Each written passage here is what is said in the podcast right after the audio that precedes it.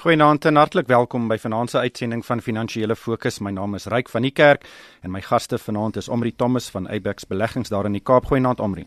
Goeienaand Ryk. Goeienaand luisteraars. En saam met my in die ateljee is Johan Gous hoof van Absa Bate Konsultante. Goeienaand Johan. Goeienaand Ryk. Goeienaand Omri. Goeienaand Johan.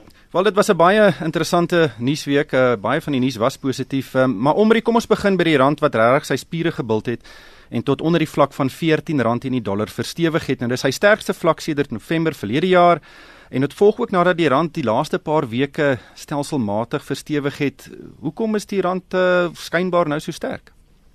Ryk ek dink daar is 'n paar faktore wat wat bydra tot die rand se sterkte. Ehm um, uh, nommer 1 is ons het uh, gesien dat die uh, goudprys redelik sterk is. En ek dink baie internasionale beleggers sien Suid-Afrika as 'n as 'n proksie vir vir die goudprys. Ehm um, en ek dink dit is een rede. Die tweede rede as ons kyk na ons rentekoerse ehm um, teenoor internasionale rentekoerse wat omtrent 0 is, het ons nog 'n baie aantreklike rentekoers en ehm um, baie buitelandse be beleggers sukkel om opbrengs te, te kry op internasionale markte en om daai rede het hulle baie van ons uh, staatseffekte gekoop ehm um, wat 'n redelike goeie uh, opbrengs gee oor uh, ons 10 jaar staatseffek van oor die oor die 8% ehm um, en dit het uh, dit is baie aanloklik vir beleggers oor oor so lank termyn. Ek dink daai twee faktore ehm um, myns en siens is die groot drywer van van die goeie en twee.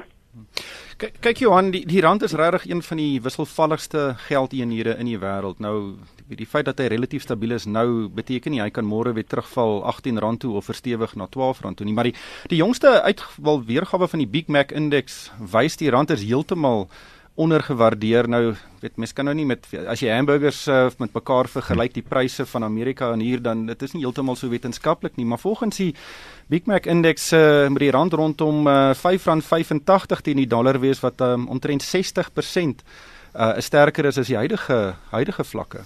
Ja, ek kan dis die verskil tussen teorie en wat in die praktyk gebeur en ek dink 'n mens moet altyd die faktor van sentiment inbring.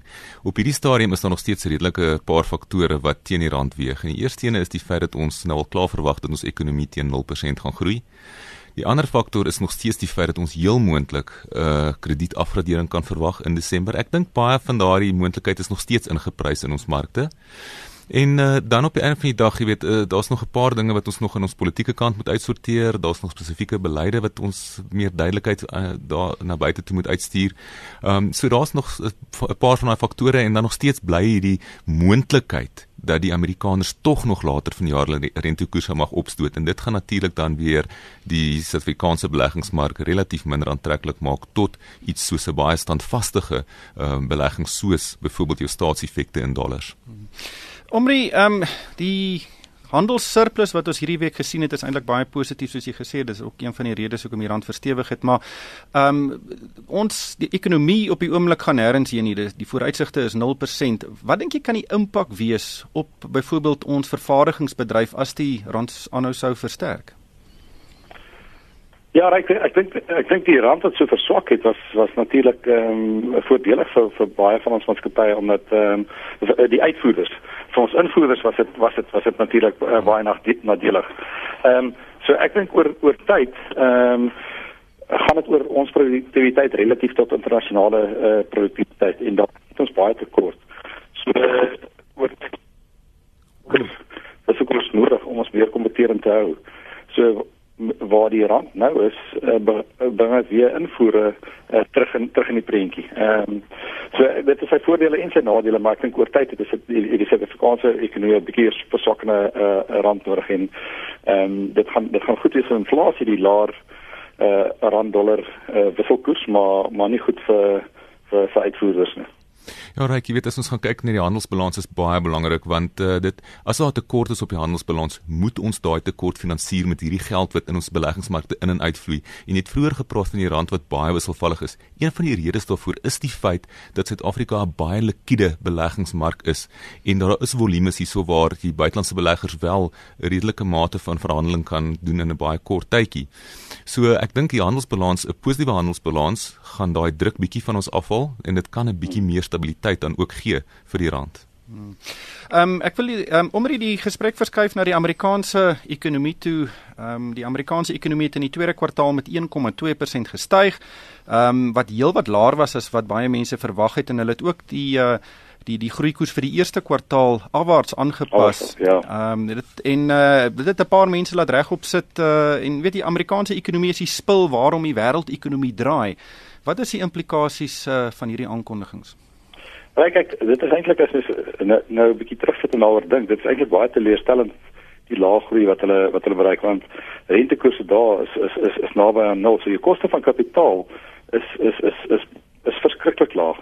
En tog het dit uh, nog nie baie ehm uh, 'n positiewe inspuiting gewees vir die ekonomie. So dit dit dit is teleurstellend, maar dit is dit is nog beter as wat dit in Europa is. So die prentjie vir wêreldgroei lyk eintlik lyk eintlik baie swak. En ek dink waar beleggers verwag het dat ons of vroeër rentekoersverhogings uh, gaan sien uit Amerika uit soos Johan ook genoem het. Ehm um, dink ek daai verwagtinge skuif nou skuif nou al verder uit. Ehm um, en dit uh, dit die ek dink die federale reserve hoop dat uh, groei bietjie bietjie gaan we gaan optel want hulle wil rentekoerse normaliseer oor tyd. Maar hulle wil dit nie voortydig doen voordat ons 'n stewige herstel in die ekonomie gesien het nie. Ryk net om te sê, miskien net buitevoeg daar sê, weet as ons kyk, daar's nog 3 vergaderings vir die Fed tot die einde van die jaar. So die kanse is nou heel moontlik dat ons rentekoersverhogings indien ons enigstens sou so iets sou sien eers in Desember kan verwag. Nou wat dit beteken op die oomblik is dat die dollar is bietjie swakker teen die ander geldeenhede. Dis een van die redes vir hoekom die rand teen onder 14 rand teen die dollar verhandel het in die laaste dag of twee. En die ander ding wat dan gebeur saam met 'n swakker dollar is dat jou kommoditeitspryse is ook besig om te herstel gedeeltelik is dit dan ook die rede vir hoekom ons die platinum uh, aandele gesien het uh, hierdie week wat so goed gedoen het. Die platinum prys self is al 28% op vir die jaar tot datum, 38% op net in die laaste 8 maande. Ons is nou by 1150 dollar per ons op die platinumprys. So dit is van die positiewe effekte wat uit hierdie swakker groei syfers van Amerika kom op die oomblik. Amrie, kom ons gesels 'n bietjie oor die oor die kommoditeite. Ons het Anglo American gesien wat hierdie week resultate bekend gemaak het. Ehm um, en dit lyk asof sy herstruktureringsplan uh regtig werk. Ehm um, en Anglo se aandele is die aandeel wat die beste gevaar het nog van jaar op die Londense aandelebeurs en in, op in Johannesburg. Wat was jou indrukke? Ja, Ryk, ek dink ek dink waar die einde laas jaar as ons kyk was die mark verskriklik bekommerd oor oor Anglo se se balansstaat en op daai stadium gegee waar die uh, kommoditeitspryse was, het dit gelyk of Anglo's uh oor 'n periode van 18 na 24 maande uit uit kontant gaan hardloop. Bestuur het toe aangekondig hulle gaan herstrukturerings doen uh van hulle nie kernbates verkoop en tot dusver moet ons bestuur krediet gee. Hulle het, hulle het werklik uh, goed uh aangepas uh, tot dit en hulle het hulle 'n paar verkope gemaak. Hulle het ook kostes onder onder bedang gebring en ehm um, hulle het uh, fokus op regtig net hulle op om hulle kernbedrywighede om die, hulle nog verder uh, op die kosteskurwe af te skuif. So waar kommoditeitspryse nou is, ehm um, lyk dit of Anglo redelik sterk uh, kontant genereer en hulle skuld uh, wat nou fokus is nog uh, sterk gaan afbetaal. Ehm um, en die mark het dit baie positief geneem. Ons het gesien op die dag dat Engels baie sterk op was en as hulle dit gaan volhou, kan mens sien dat hierdie loopie nog steeds gaan verder voortduur. Johan, um, om regie nou vir uh, Marco Tefani van Anglo se 'n pleintjie asook die planne wat werk, dit het in die afsienbare verlede nie gebeur nie. Daar was eintlik baie kritiek oor die manier hoe daai maatskappy bestuur is. Nee, dit is so, maar ek dink hier word met 'n uh, baie goeie strategie gewerk. Ryk, uh, as jy gaan kyk net hulle kontantvloei is heelwat beter as wat dit 'n jaar gelede was.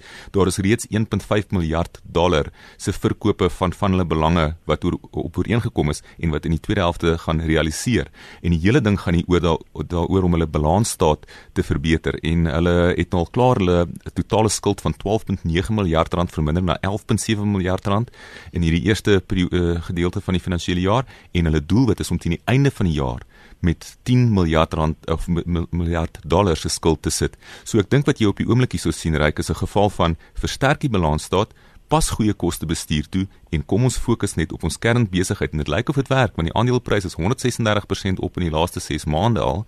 Nou, Natuurlik is hy nog steeds 30% af oor die laaste 3 jaar, maar dit is al klaar 'n baie goeie teken hierdie.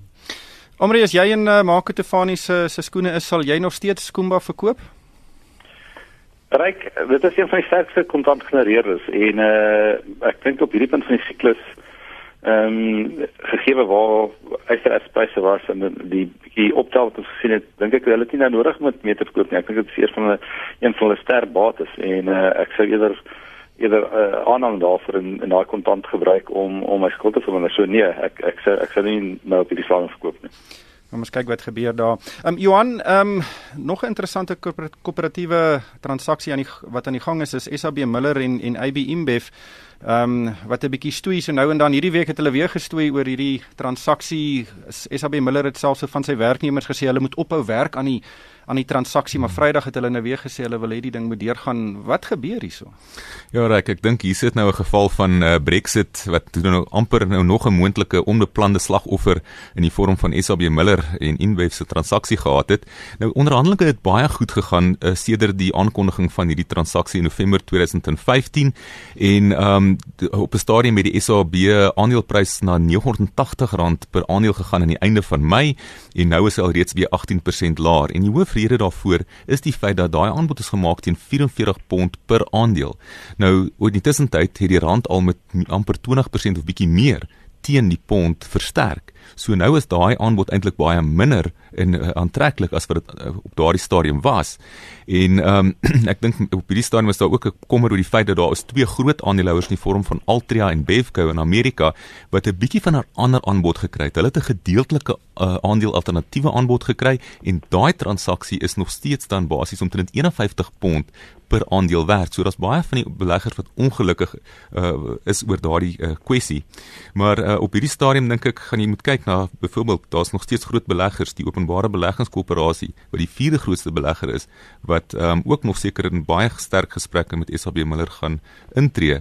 Uh, wat ons nou net gesien het is hulle moes 23 in 23 jurisdiksies moes hierdie um, transaksie basies goedgekeur word. Die grootes Amerika, Europa en ook nou onlangs China en ook in Suid-Afrika is die transaksie goedgekeur en nou is dit 'n geval van gaan die uh, bestuur teruggaan na die aandeelhouers met 'n aanbeveling dat hulle wel vir hierdie transaksie moet gaan. Amri, ehm um, dink jy daai aandeelhouers het rede om ongelukkig te wees?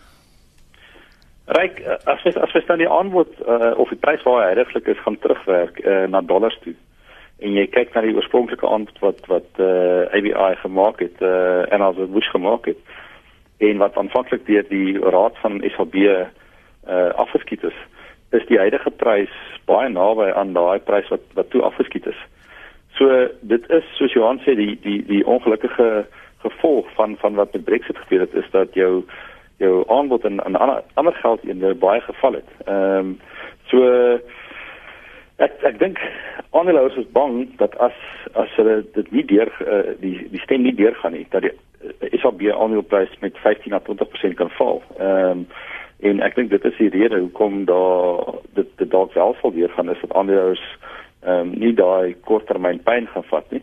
En natuurlik die twee grootste aandeelhouers het het reeds ten gunste van die transaksie gestem. So jy jy kort omtrent net oor die 50% van die uh, oorblywende aandeelhouers om ten gunste te, te stem. So ons dink die aandeel sal nog steeds deurgaan, maar maar die prys is is is werklik nie nou meer eh, 'n uh, 'n premie tot tot wat die prys was nie. Ehm um, dit is baie naby aan aan eh uh, wat die billike waarde is. Ehm um, so verkieslik sou mens eerder wou hê dat dat SAB uh, eh, genoteerd bly met uh, eh, Anheuser Busch wat 'n wat 'n groot aandeelhouer is. So dat is van daai ek uh, uh, skaal ekonomie kan kan begin deurkry. Maar ek dink die die waarskynlikheid dat, dat die transaksie wel gaan voortgaan is is, is baie groot. Hmm. Maar ek bly sommer by jou Absa of eh, Barclays Africa het, het ook uh, resultate aangekondig. Ehm um, weet winsgroei was 7%, maar daar was baie wesenlike afskrywings op die huisboek. I mean daar's ook voorsienings gemaak wat dalk bietjie konservatief kan wees. Uh Johan werk nou vir Absa, so dink jy hy kan 'n bonus verwag uh, gebaseer op hierdie uh, hierdie resultate?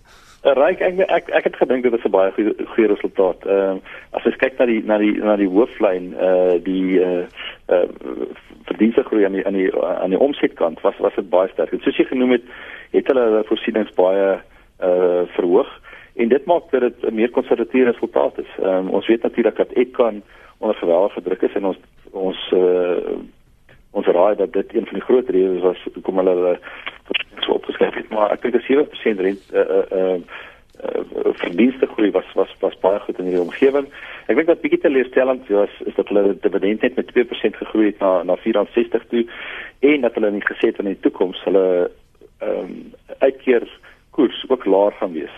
So jou toekomstige dividend groei gaan laer wees as verdienste groei. Nou uh, mens sal mens verwag dat hulle dit doen omdat hulle nie seker is wat die effek gaan wees van bates wat wat onttrek uit Suid-Afrika uit nie. Uh, en ook nie in die res van Afrika nie. Ehm um, toe res van Afrika was geweldig sterk geweest en en uh, dit dit dit is baie positief, maar ja. ek dink uh, daar's baie onsekerheid op die oomblik. Maar dit is gereflekteer in die aandeleprys. Jy koop die aandeleprys teen 'n prysverdienste verhouding van van onder 10 keer met 'n dividendkoers van van naby aan, aan 7%. So ek dink in hierdie vlakke uh, is ons nog steeds na na aantreklike belegging. Net laastens uh, Johan, uh, hier's 'n baie besige week wat op ons wag. Uh, waarvoor moet ons wat moet ons dop hou? Ryk ek dink die groot ene is die Bank van Engeland gaan uh, donderdag besluit oor hulle rentekoerse en dit teen die agtergrond van Brexit en dit kan natuurlik nou weer eens 'n invloed hê op die SAB transaksie. Die Japannese kabinet gaan besluit oor die stimuluspakket wat uh, Shinji Abe bekend gemaak het en dan die Chinese aankope bestuursindeks syfers word ook bekend gemaak en dan ook belangrik die FSA maak hulle jongste indiensnemingssyfers bekend, so die mark gaan elke aankondiging fyn dophou en ons kan verwag dat daar heelwat bewegings in die beleggingsmarkte en in wisselkoerse gaan wees hierdie hierdie, hierdie week. Maar hopelik is die meeste van daai nuus positief.